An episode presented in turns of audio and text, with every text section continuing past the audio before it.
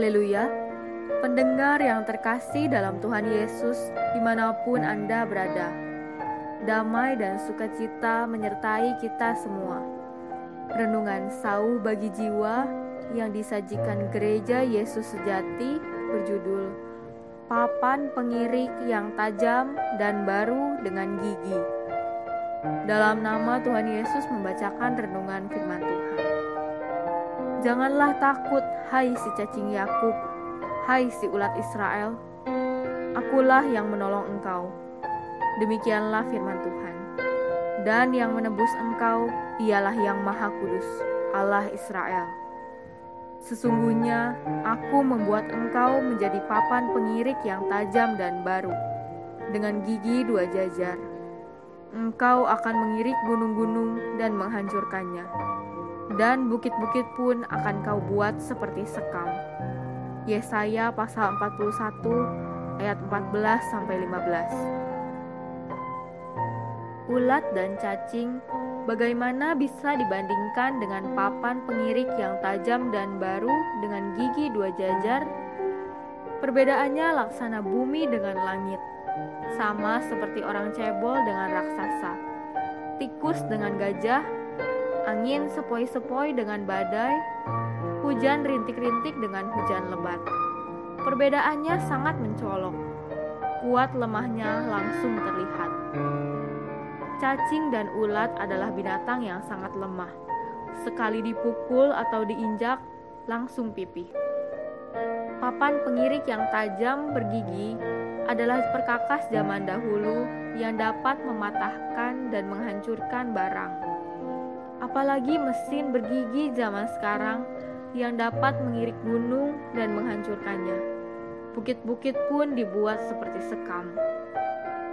Sewaktu Daud berada di dalam kesukaran, dia menulis Mazmur mengiaskan dirinya sebagai ulat yang hina, lemah, dan tidak berguna.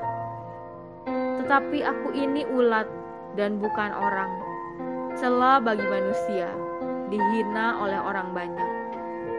Mazmur pasal 22 ayat 7 Di hadapan Allah, kita ini bukan siapa-siapa. Tidak bisa berbuat apa-apa. Sama seperti Daud yang mengumpamakan diri sebagai ulat. Tetapi Allah yang pengasih justru dapat mengubah ulat yang lemah menjadi papan pengirik yang tajam dan baru bergigi dua jajar kita bisa menjadi demikian efektif sehingga dapat mengirik, menghancurkan gunung, dan membuat bukit menjadi sekam.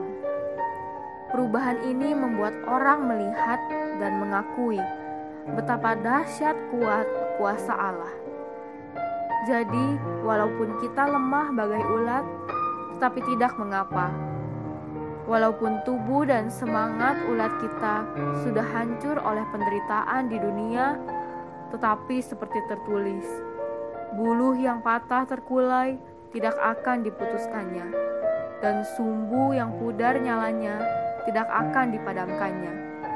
Yesaya pasal 42 ayat 3 Ulat yang hancur dalam penganiayaan oleh kuasa Allah menjadi kuat dan Allah akan menaklukkan kesusahan ke bawah kaki kemenangan kita.